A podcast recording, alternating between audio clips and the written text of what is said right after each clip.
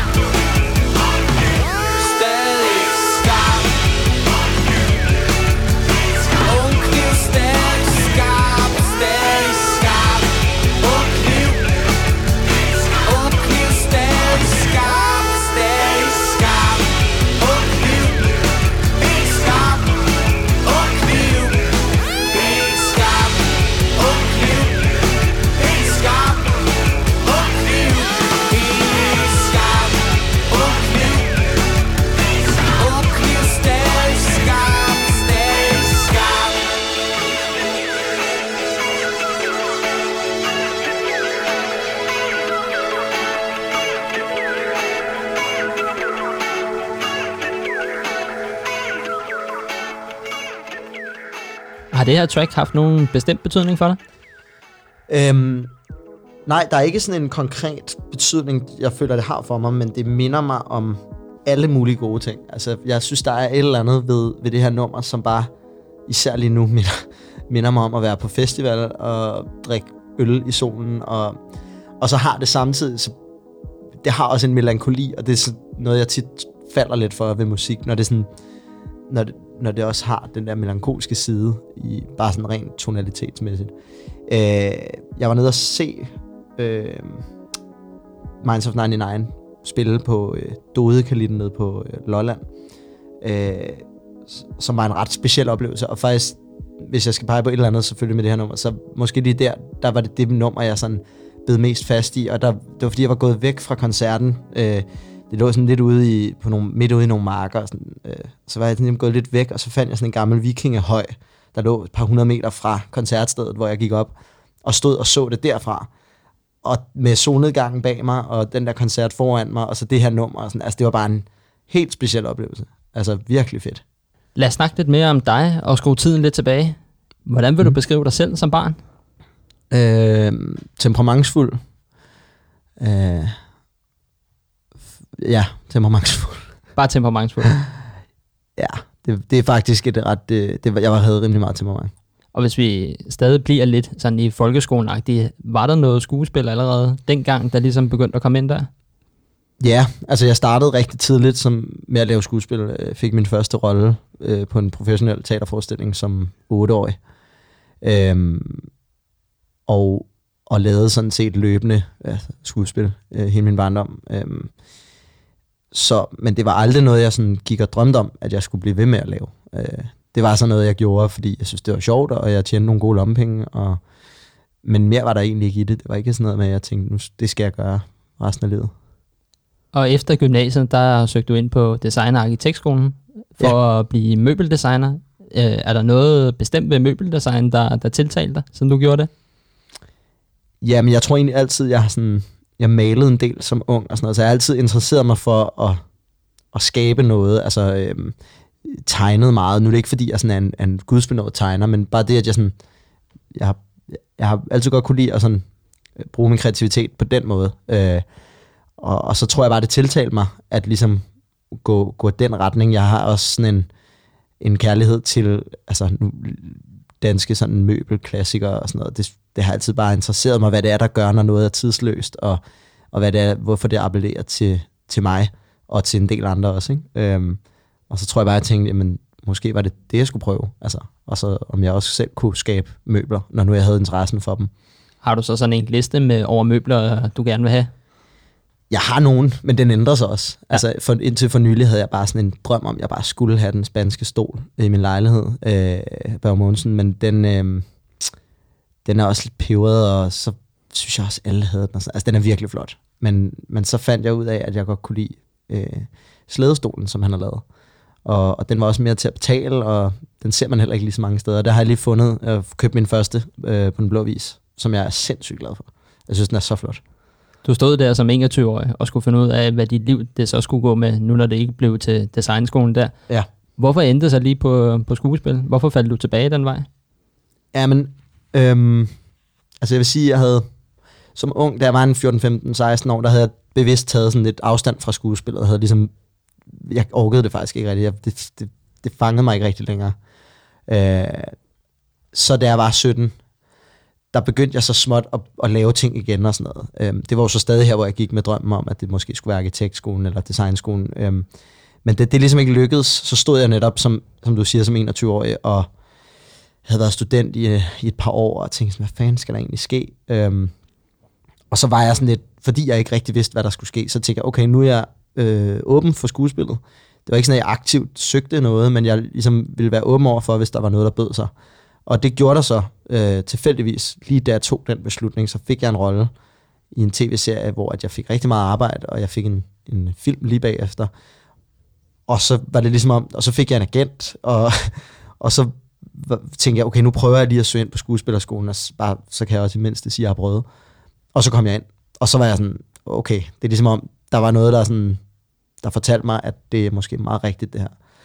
Og, øh, og der er jeg så nået, der er jeg så blevet en 2-23, og der kan jeg så mærke, da jeg starter på skuespillerskolen, i virkeligheden også får den anerkendelse, det er at komme ind på den skole. Det er en ret attraktiv, eller en meget sådan eftersøgt skole at komme ind på. Øhm, og da jeg fik den anerkendelse og få lov at gå der, og, og opleve en helt, altså jeg fik en helt ny sådan, øh, tilgang til det at spille skuespil, kunne jeg mærke. Det var sådan, fordi jeg var sammen med nogen hele tiden, der, der havde enormt stor passion for det, og det smittede af på mig. Altså, og jeg fandt den passion, som nok egentlig altid har ligget der, men som jeg måske også bare har undertrykt en lille smule, fordi jeg ligesom ville afsøge, om jeg skulle noget andet med mit liv. Der har helt klart altid ligget en fascination, men nu fik jeg sådan, jeg gav mig selv lov til på en eller anden måde at, at udforske det, og, og gå med den der fascination og, af skuespil. Og hvordan var det så at få lov til at udforske det? Jamen, det er jo så bare mega privilegeret. Fordi når du så finder ud af, hvad du gerne vil, Øh, og hvad det er, der gør dig glad i bund og grund, øh, når du så får lov at gå på en skole, hvor du er altså otte elever på en årgang, og du får undervisning i fire år af nogle meget, meget dygtige mennesker, øh, måske 40-50 timer om ugen, altså det er jo bare vanvittigt privilegeret. Det er også hårdt, men det er en, en kæmpe gave.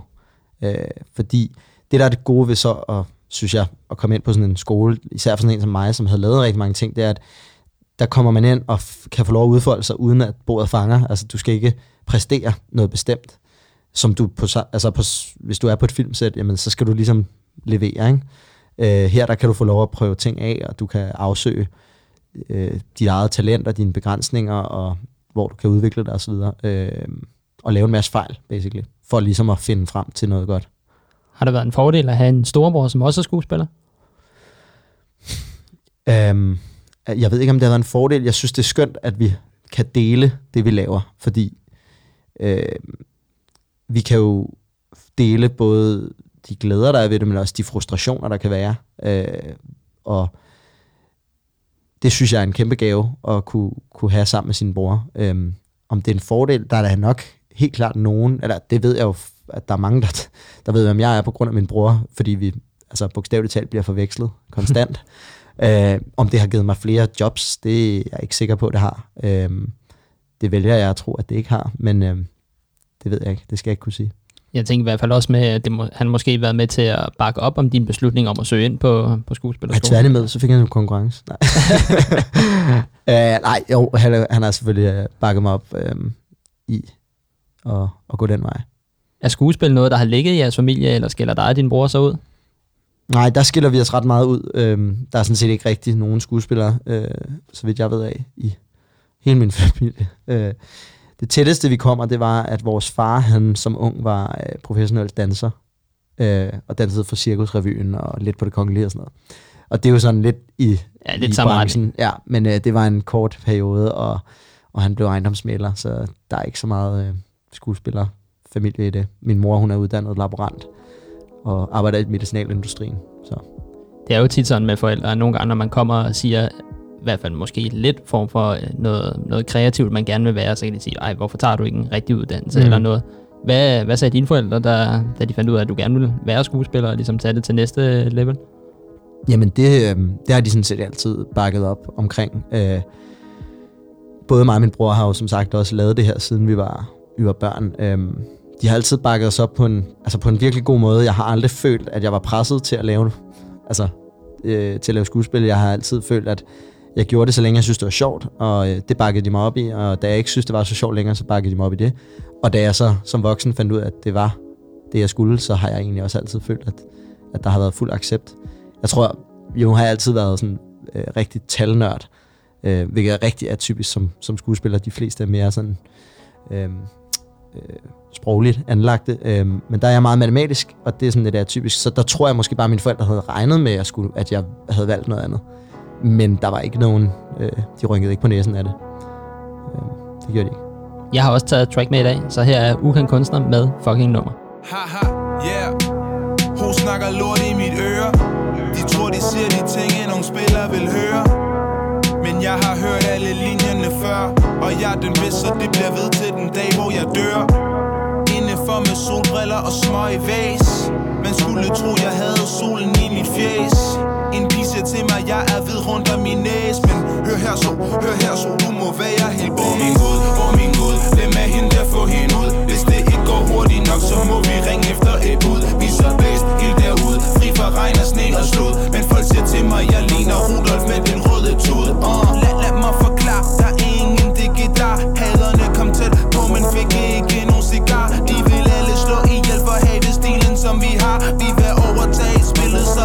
ikke nogen vikar. DJ'en spiller, mens bartenderen hælder på mig. Jeg er endnu en, der ældre, men jeg føler, jeg bliver dummer Jeg burde egentlig smutte hjem, jeg har en dame, der venter på mig. Men venlig, det her, det er mit fucking nummer. DJ'en spiller, mens bartenderen hælder på mig. Jeg er endnu en, der ældre, men jeg føler, jeg bliver dummer Jeg burde egentlig smutte hjem, jeg har en dame, der venter på mig.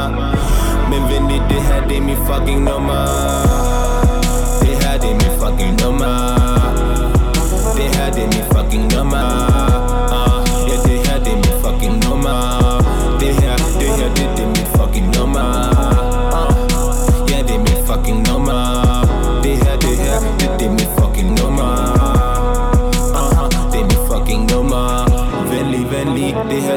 Fucking nummer. Yeah. Hos eller sprut i mit glas. Forstår ikke hvad jeg mener med brug for lidt plads. Skinger stemmer i mit hoved giver mig stress. For at finde rundt, her skal man bruge et kompas. Har været her to gange på under et døgn. Det er derfor jeg har sorte render her under min øjne. Så imens bassen den runger af støj Tager jeg et væs, fylder mine lunger med røg. Hør nu her, hør nu her. Hvis du ikke kan klare det mere Må du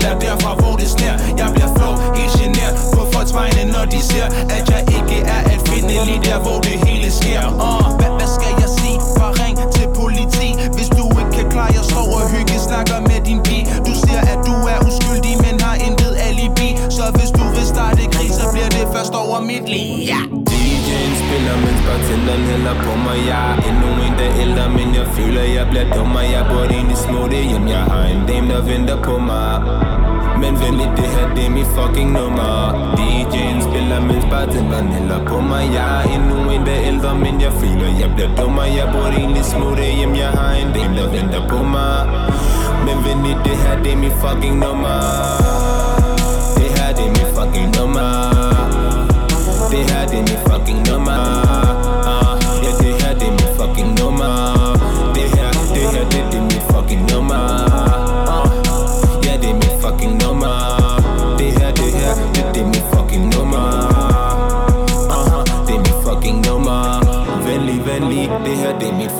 mit fucking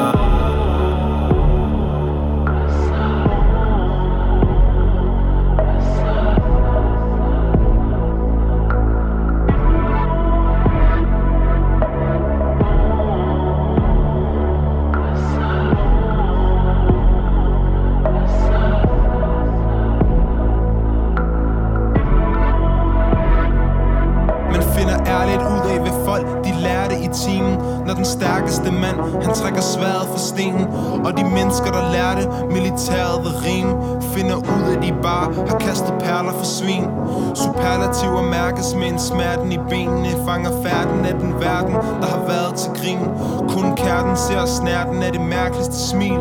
Men kærlighed er desværre svære at erklære sin krig. Okay,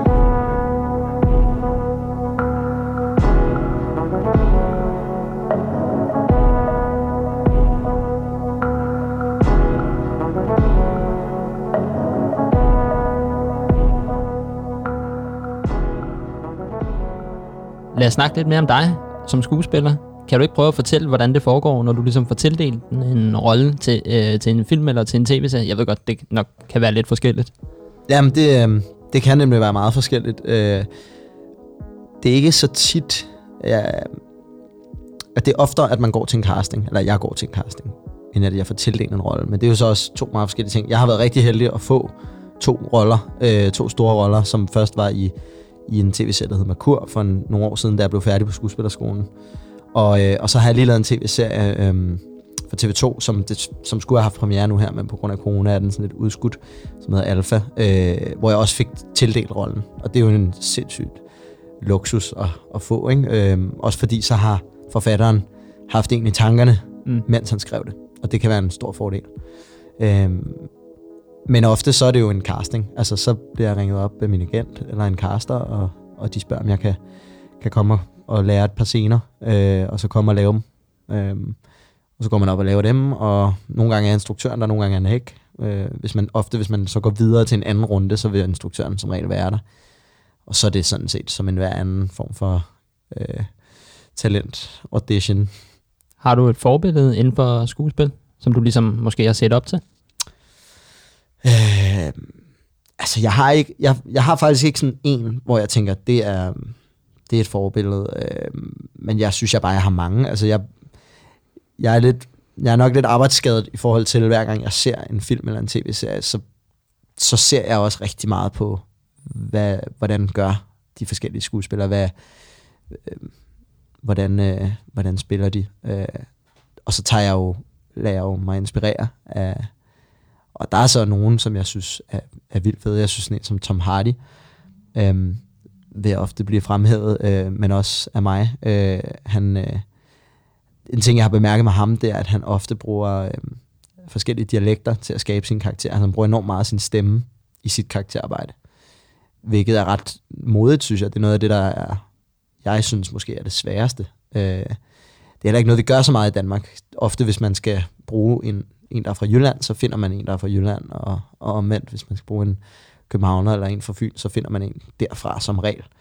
Øhm, hvor i USA, der er de gode til at, nu Tom Hardy er jo så englænder, men han laver mange ting i USA, altså der, der, er de- der gør de tit det der med, at så tillærer de sig forskellige dialekter, og, og det synes jeg er ret fascinerende.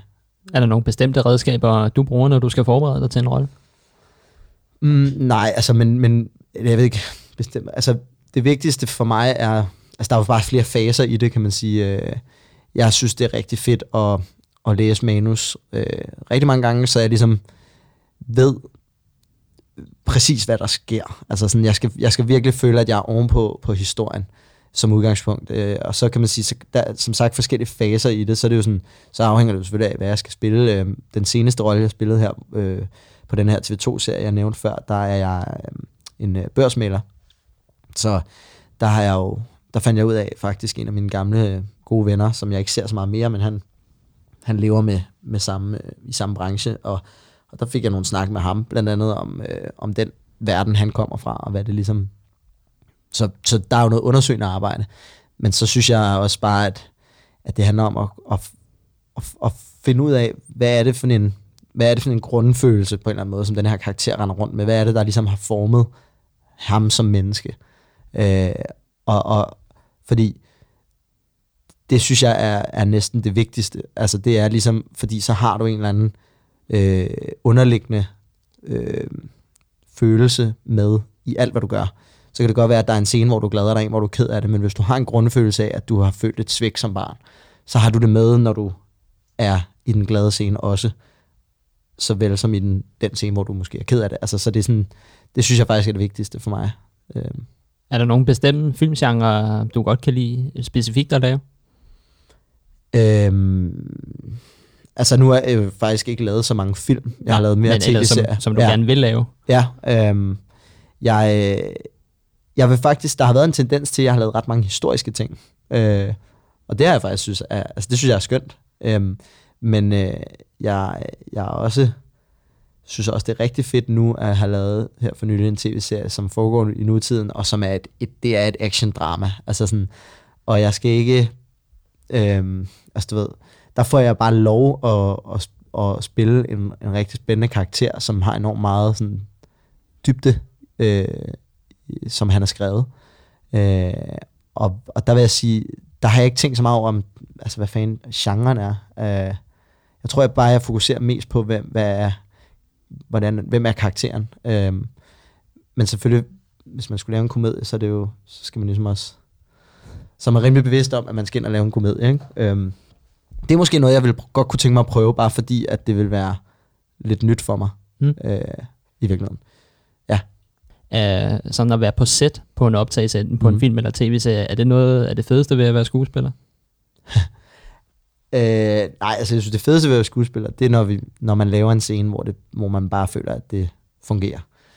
Men det er da en helt klart en, en stor del, altså som alle andre, der har et arbejde, øh, så er det jo så er der jo også alt det udenom. Og, og der vil jeg sige, der synes jeg også, at skuespil passer godt til mig som person. Jeg elsker at ikke at skulle sidde øh, det samme sted hver dag på de samme tidspunkter, men, men at jeg har en, et, et øh, arbejdsliv, der, der giver mig mulighed for at, at komme nye steder hen og møde nye mennesker. Øh, øh, det synes jeg er skønt. Og man får jo nogle, nogle oplevelser sammen. Altså nu...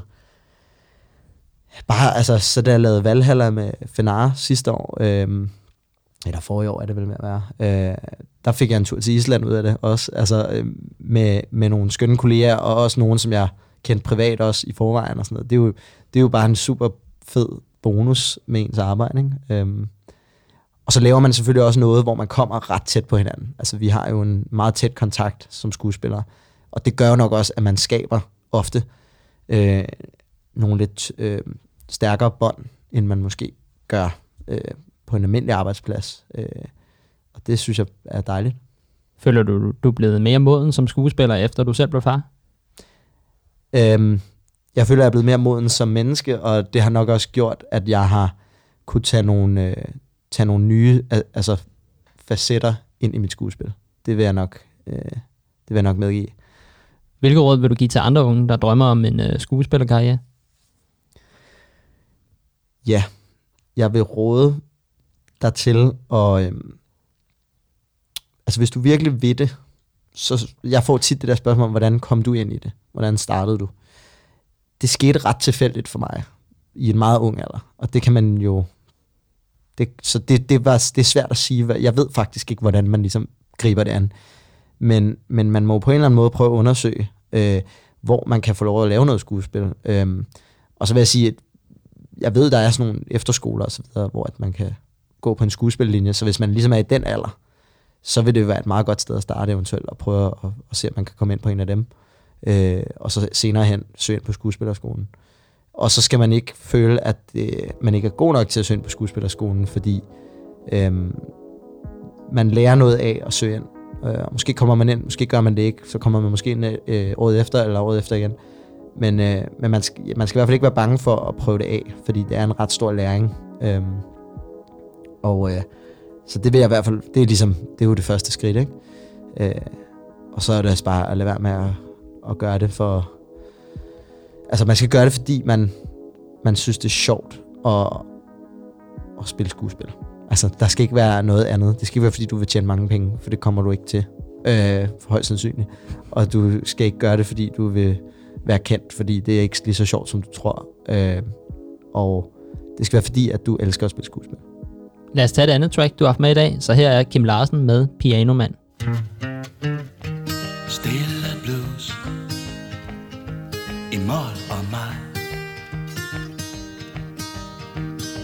Piano man Kan du høre mig Hvordan står det til i det dødes land. Det ved du nu. Piano man.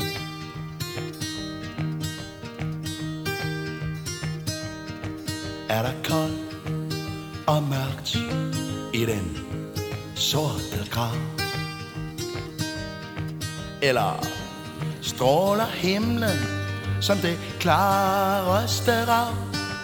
Er der sang og musik i det dødes land. Og svinger det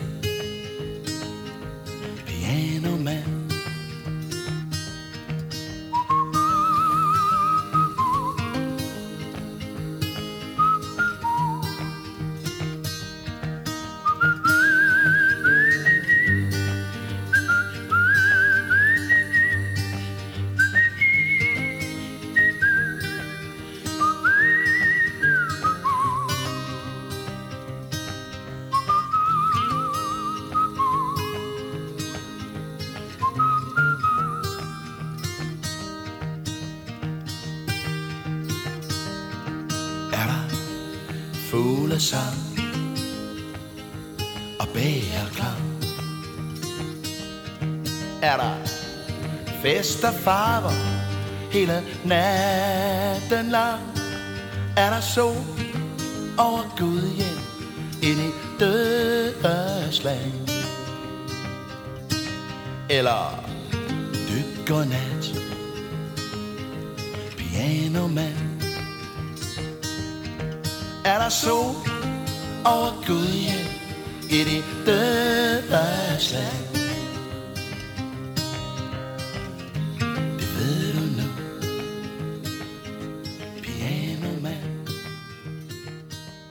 Det her track haft nogen bestemt betydning for dig? Øhm, jeg, jeg, det, det har det fået, øh, efter at øh, altså jeg mistede min far for seks år siden. Og jeg tror bare, det er ikke fordi, det er sådan et nummer, han hørte, eller jeg hørte med ham, eller sådan, men, men det har ligesom, det har bare gjort meget større indtryk på mig, efter, efter jeg mistede min far, det her nummer. Ikke? Så, øhm, så det er sådan set bare det, jeg synes, det er et fantastisk nummer. Øh, jeg synes, det er så, på en eller anden måde, det er sådan livsbekræftende. Altså, øh, selvom det handler om død. Men måske netop derfor. Øhm, så det minder mig om min far. Det er faktisk bare det. Anbefalinger til København. Vi vil jo gerne forkæle jer lytter lidt, så lad os tage nogle anbefalinger for dig, Andreas. Ja. Restaurant. Hvor kan du godt lide at spise i København? Jeg er faktisk ikke en, der går sindssygt meget ud og spiser. Jeg elsker selv at lave mad. Øh, så det var faktisk lidt svært, fordi at, øh, det er længe siden, jeg har været ude at spise. Men et sted, jeg har været meget, som jeg altid nyder at komme på, det er et sted, der hedder Gave, nede i Jægersborgade. Nej, undskyld, øh, Blågårdsgade. Som, øh, som laver dumplings, som bare smager helt sindssygt godt. Og det er til at betale, og der er hyggelig stemning, og min, en af mine bedste venner, han bor sådan lige ovenpå. Så det er bare derfor, vi tit ender der, øh, inden vi skal i byen eller eller andet. Ikke? Så sidder vi der og spiser dumplings og drikker bajer. Så der elsker jeg at komme. Er du så selv god til også at lave doublings? Det er faktisk en ting, jeg aldrig har prøvet at lave. Øh, måske fordi, at jeg synes, at de laver dem så fint der. Så, så når jeg har lyst til det, så går jeg derned. Og hvor får man byens bedste kaffe hen? Ja, øh, den var også svær for mig. Jeg, øh, jeg drikker kaffe, men jeg er ikke sådan, jeg skal ikke have kaffe hver dag, så det er ikke sådan, men jeg, jeg har øh, fået en del kaffe på Coffee Collective på Jægersborgade, fordi at øh, når jeg har afleveret min søn i børnehave og skal tilbage til, hvor jeg bor, så kommer jeg der forbi. Så der, øh, de laver god kaffe, og der har jeg tit lige sat mig. Så. Og er du natklub eller bartypen? Jeg er, jeg har været natklub-typen. Øh, nu er jeg nok mere bar-typen. Og er der nogen bar, du, du sådan, har du en specifik en, du måske tager hen på, når du skal ud og have en øl eller, eller noget? Altså, jeg har, jeg har flere, men jeg har en, der nok... Der, hvor jeg har været mest, det her McLeod på Istegade. Brun Bodega. Øh, det handler om, at jeg boede på Istegade i, i fire år, da jeg flyttede hjemmefra, og, og det blev lidt mit stamsted, og, og jeg, jeg elsker at komme derned. Altså, jeg synes bare altid, der er hyggelig stemning. Det er, lidt, det er ikke helt lige så hyggeligt, øh, efter jeg stoppede med at ryge, som det var. Altså, i gamle dage, der jeg stadig røg, der var det sådan helt optimalt at være dernede. Jeg kunne ryge mine smøger og billige bajer og alt det der. Men, øh, men der er stadig dejligt, og jeg kan godt lide at komme der. Jeg skal bare lige øh, trække vejret godt ind, inden jeg går ind.